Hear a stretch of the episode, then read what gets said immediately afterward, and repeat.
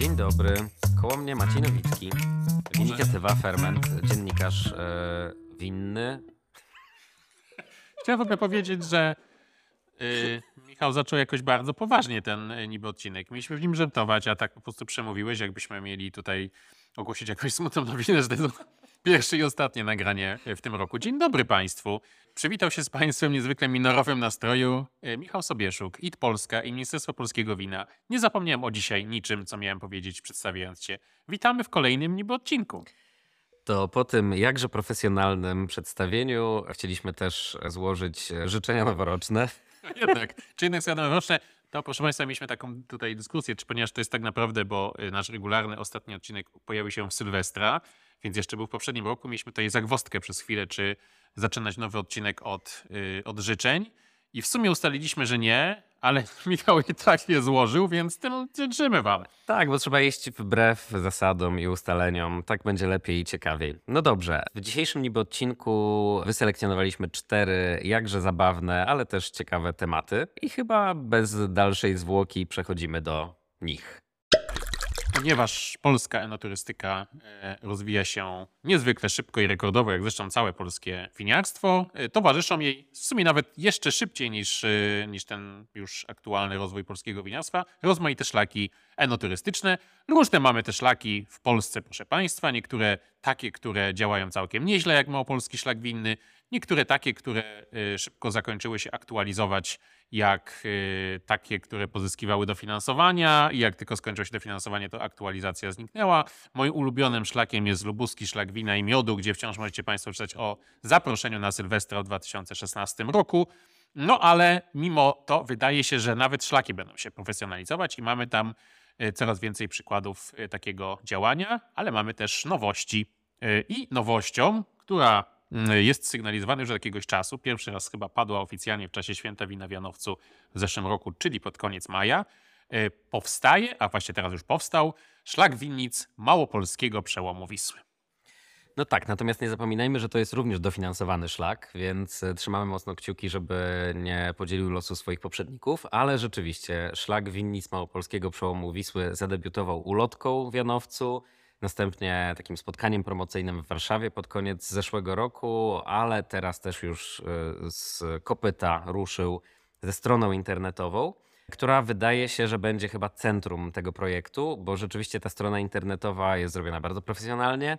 No i też ma pewną przełomową funkcję, przełomową, hmm, notabene, której dotąd chyba nie było w żadnym szlaku, to znaczy wyszukiwarkę bardzo ciekawie skomponowanymi filtrami, nie? Tak, tak, tak. No właśnie, pierwszy raz mamy taką sytuację, że możemy sobie wyszukiwać winnice w danym regionie po odmianach winorośli, po naszych ulubionych kolorach win, czy może bardziej chcemy spływać win białych czy czerwonych, po tym, jak możliwe jest zwiedzanie, gdzie tam się udać i tak dalej, i tak dalej. Plus, co jest zupełnie, zupełną rewolucją, ale taką sygnalizowaną od samego początku, że możemy tam też znaleźć noclegi.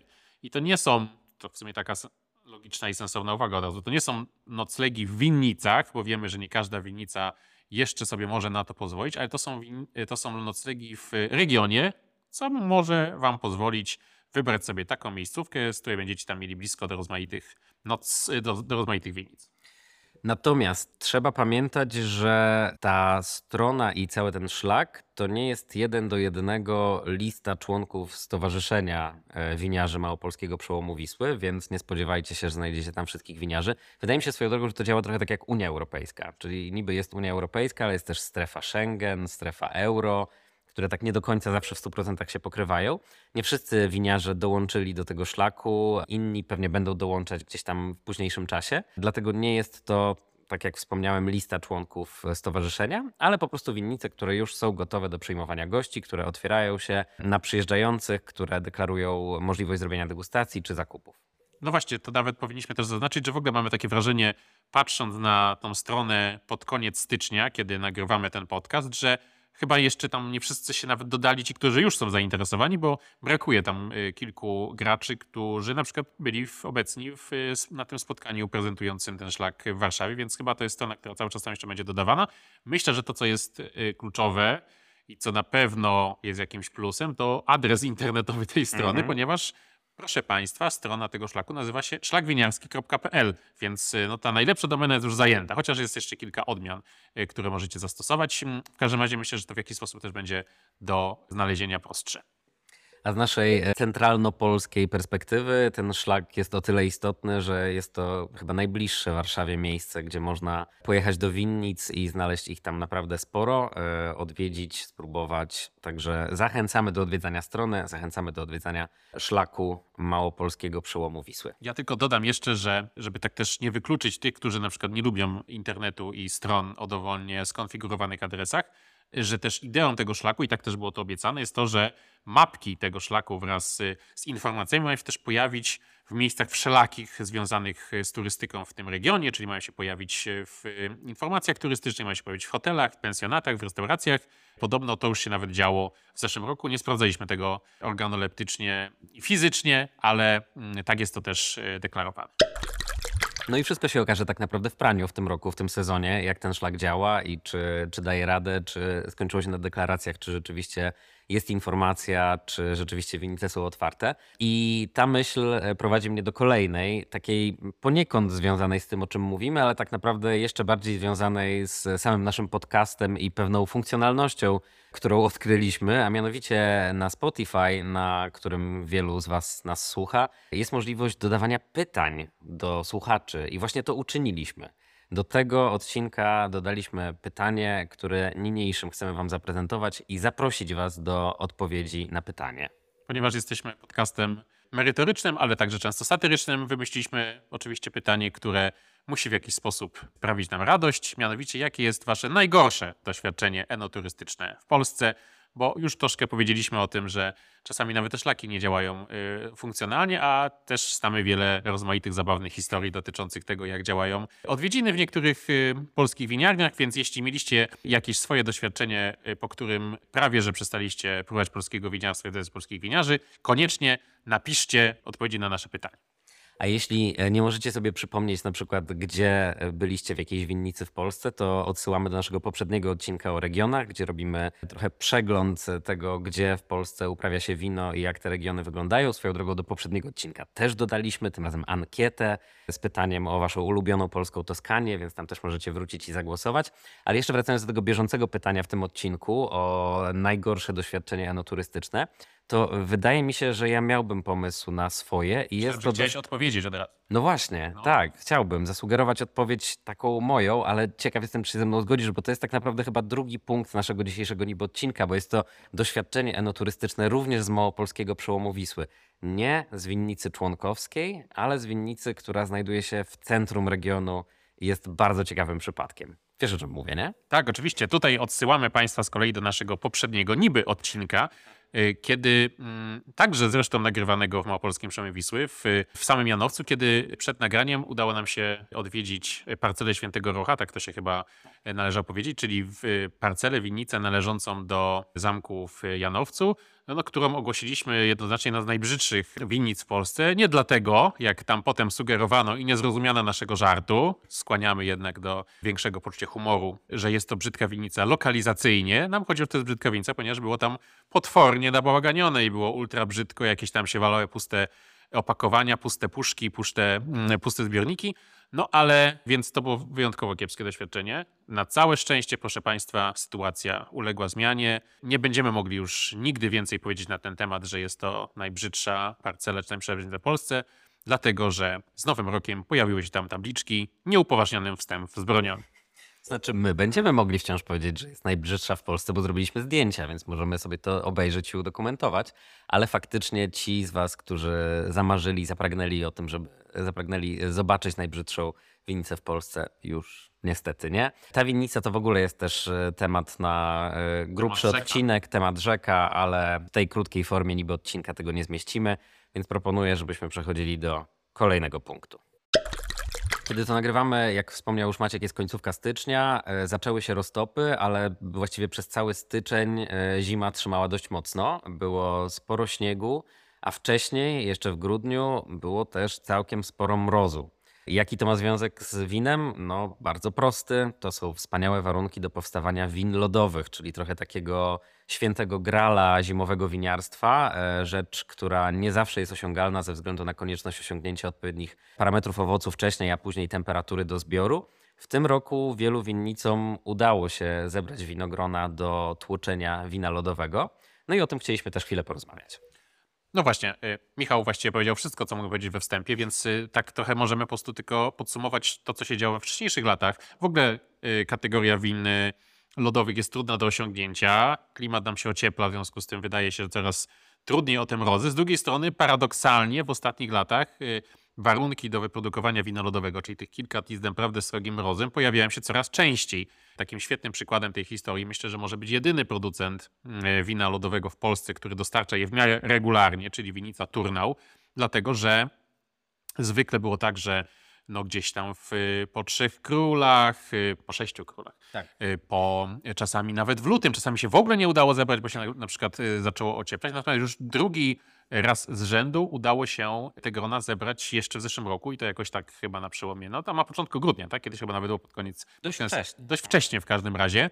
I to jest, y, i to jest właśnie ta zmiana, bo poza winnicą Turnał, jedyną winnicą w y, ostatnich latach, która była w stanie wyprodukować e, wino lodowe, to była winnica Jadwiga Dolnośląska w takiej minimalnej ilości. No i jeszcze winnica nad Dworskim Potokiem bodajże w Małopolsce. To też takie było chyba jedno z pierwszych, e, pierwszych polskich win lodowych, ale ono chyba nawet nie trafiło do, do oficjalnej sprzedaży. No nie chodzi o to, żebyśmy wymieniali wina, które powstały w 10 sztukach, tylko takie, które pojawiły się szerzej. No więc taka była próba winnicy Jadwiga w niewielkiej ilości, tak naprawdę regularnie winnica Turnał te wina lodowe dostarczała. Zresztą one się błyskawicznie od razu wyprzedawały. No a dzięki mrozom pod koniec zeszłego roku, czy ostatnim miesiącu zeszłego roku, ten rok, jeśli oczywiście one już do, doczekają się wszystkie premiery w tym roku, wydaje się być naprawdę obiecujący i chyba rekordowy, jeśli chodzi o to, co się działo do tej pory.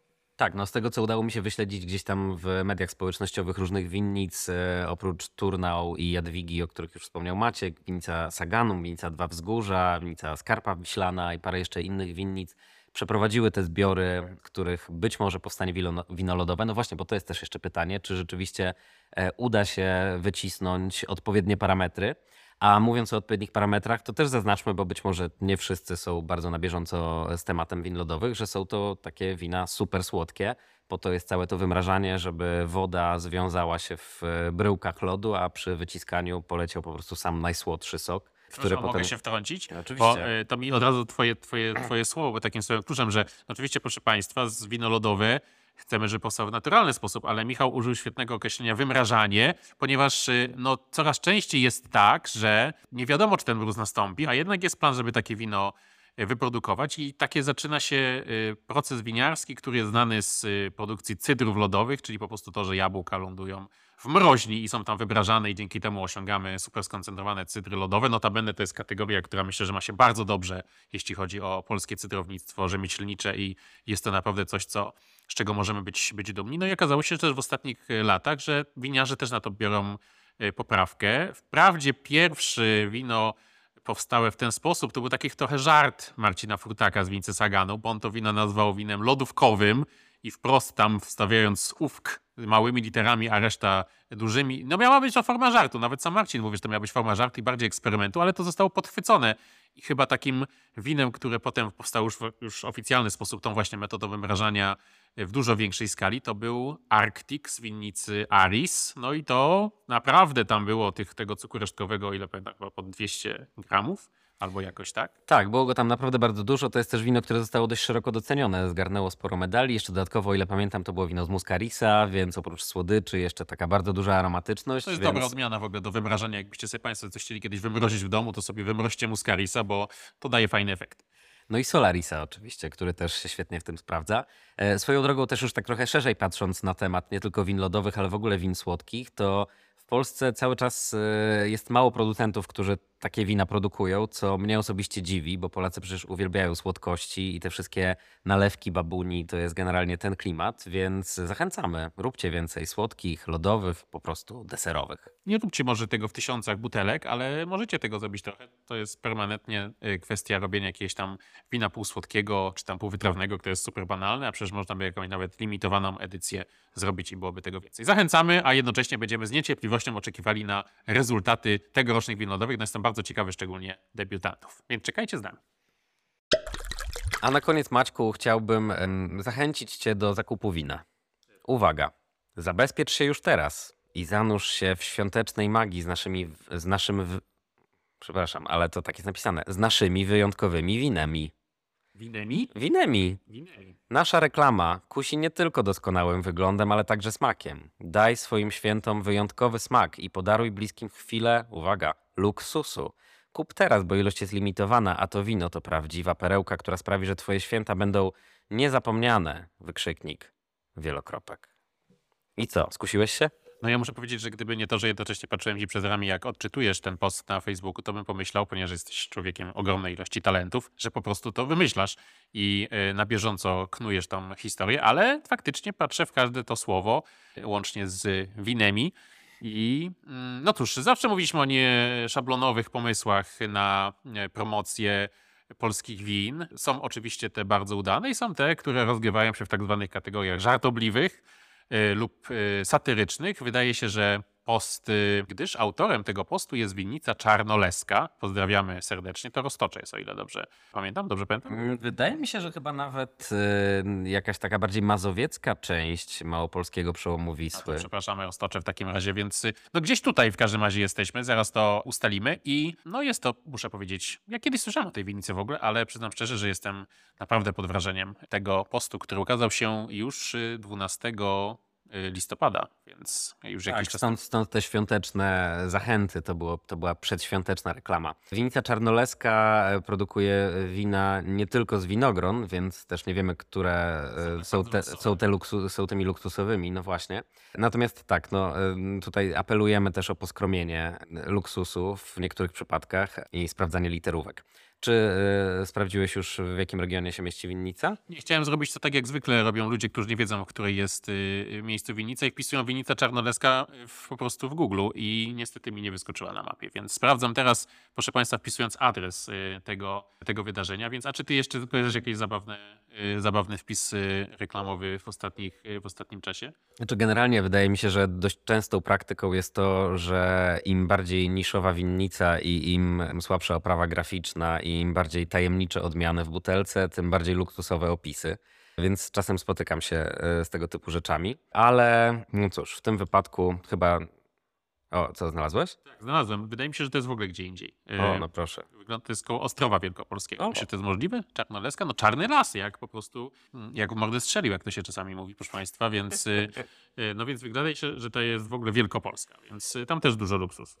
No pewnie pomyliło nam się z czarnolasem, a to czarny las, a nie Tak, czarnolas. Więc, no proszę Państwa, no więc y, jedni luksusowo, drudzy błędnie y, geograficznie, ale w każdym razie y, pozdrawiamy z oparów luksusu. Tak, podarujcie sobie odrobinę luksusu i pijcie polskie wino. No dobrze, i teraz czas na kolejny segment.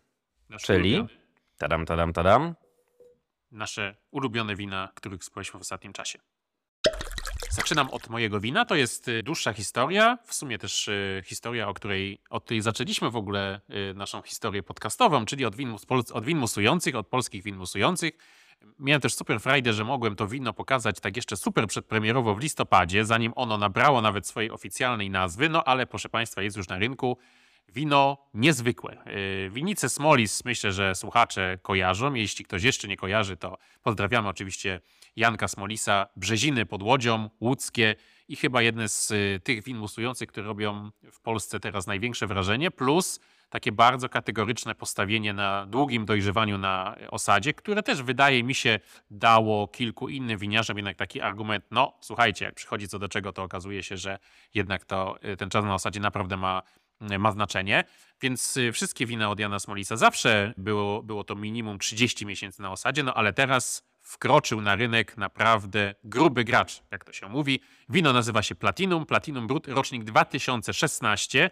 No i proszę Państwa, 86 miesięcy na osadzie ten kupasz Seyval Blanc i Chardonnay spędził. E, Tak jak powiedziałem, jak próbowałem tego wina tak jeszcze przedpremierowo, no to miałem takie poczucie, że to jest naprawdę coś, co można kroić nożem i tam naprawdę nie ma żadnych wątpliwości co do y, czasu na osadzie, tych nutek właśnie brioszki, skórki chleba, dojrzałego, mm, dojrzałych owoców. No naprawdę kawał wina, kremowa konsystencja, no wszystko dobrze poukładane, z taką dobrze zaznaczoną kwasowością. Właściwie wszystko, czego się w takich winach y, oczekuje i potrzeba, więc y, nie mam żadnych co do tego wątpliwości. No i proszę Państwa, oczywiście, jak możecie się domyślać, jest to aktualnie rekordzista, jeżeli chodzi o czas dojrzewania na osadzie na polskim rynku. Jest to także rekordzista, no bo coś za coś, cenowy, bo myślę, że to jest chyba najdroższe w tym momencie wino nie tylko musujące, ale w ogóle. W, u producenta w zakupie bezpośrednim kosztuje 300 zł za butelkę, więc y, nie jest to niska cena, no ale mamy z tym, co stoi za tym jednak naprawdę kawał wina. Last but not least, zawsze o to pytam. Pamiętam, że kiedyś taką historię opo- opowiadał mi e, Łukasz Rostowski z Winicy Ekus z Lubuskiego, którego też pozdrawiamy, że po prostu czasami ta cena jakby była niższa, to to zaraz by wszystko zniknęło. Aktualizacja sprzed 24 godzin, zostało jeszcze 500 butelek tego, tego wina, a też ich było dużo więcej, więc nawet taka cena nie przestraszyła potencjalnych zainteresowanych. No ale ja się nie dziwię, bo to jest naprawdę świetne wino. Wszystkim, którzy chcieliby sobie dokonać zakupu czegoś, co można wypić e, w tegorocznego Sylwestra. Chcecie, chcecie sobie zrobić jakieś plany na, na nowy rok i na 12 miesięcy? Możecie sobie zrobić właśnie plan takim winem. Ja w każdym razie takie rozwiązanie polecam.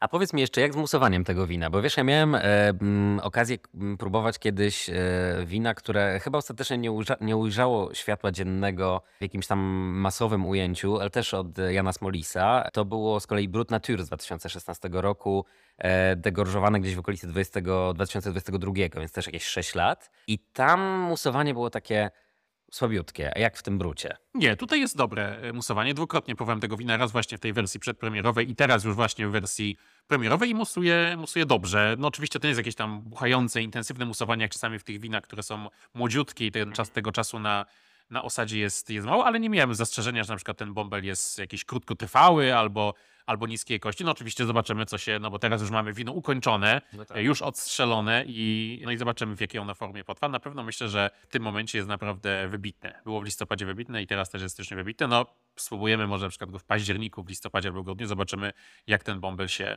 e, utrzymuje.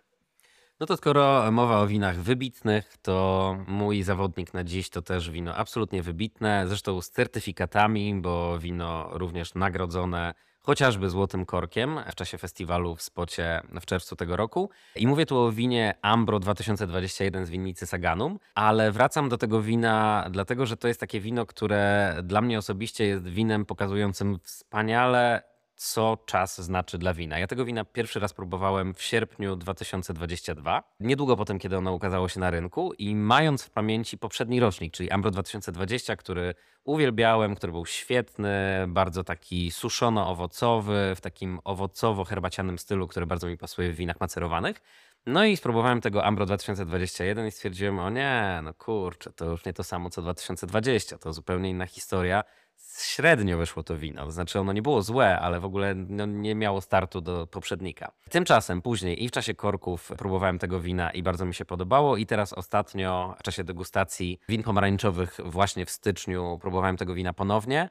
No i to jest poezja. Tam jest pięknie po prostu. To wino wspaniale dojrzało. Ten 5% do, dodatek podsuszanego Solarisa naprawdę bardzo podbija aromaty, dodając takiej lekkiej egzotyczności, wielkiej soczystości. Jest piękna tanina, znowu fajne herbaciane nuty. Jedno z moich absolutnie ulubionych e, win ostatniego czasu. I z tego co wiem, jest jeszcze w sprzedaży, więc e, jeśli gdzieś się znajdziecie, bierzcie na pęczki. To jest przy okazji, proszę Państwa, taki koronny argument. To wprawdzie ledwie czwarty odcinek naszego niby odcinka, ale tak naprawdę historia, odcinek numer 5861. Polskie wina wypijamy za wcześnie, zanim one pojawią się w tej pełnej, pełnej krasie. Fajnie, że to wino jest jeszcze sprzedaży i fajnie, że można go spróbować, bo ja nie mam w ogóle wątpliwości. No ja próbowałem tego wina trochę wcześniej niż, niż Michał, chętnie bym do niego wrócił, ale nie ma żadnej wątpliwości, że to jest coś, co teraz robi jeszcze większe wrażenie niż w czerwcu zeszłego roku w spocie. No po prostu to się po prostu, proszę Państwa, musi rozwijać. Także Łapcie, póki te wina są. No, oczywiście trzymamy kciuki. Mm, Marcin Furtek znowu powraca w tym, w tym podcaście. Tak jest. E, Więc trzymamy kciuki za to, żeby w tym roku znowu nam coś macerowanego e, wyczarował, o czym będziemy mówić e, za rok. No właśnie, a widzieliśmy też w social mediach winnicy Saganum, że tam maceracja idzie pełną parą i szykuje się chyba pięć wersji macerowanych win, No także właśnie. na pewno coś nas zaskoczy. W zeszłym roku Marcin miał chyba 20 win, 20 etykiet w swojej ofercie, więc liczymy na pobicie tego rekordu. Zaczęliśmy dzisiaj wyjątkowo minorowym powitaniem przez Michała, ale kończymy już w radosnych nastrojach. Dziękujemy Wam i Państwu za wysłuchanie tego odcinka.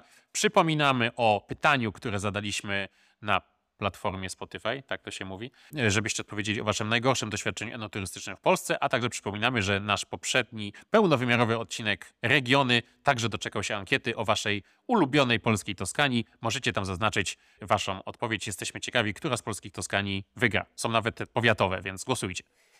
Dziękujemy Wam bardzo za posłuchanie tego odcinka. Widzimy się następnym razem, następnym razem, czyli w regularnym odcinku, który już niebawem.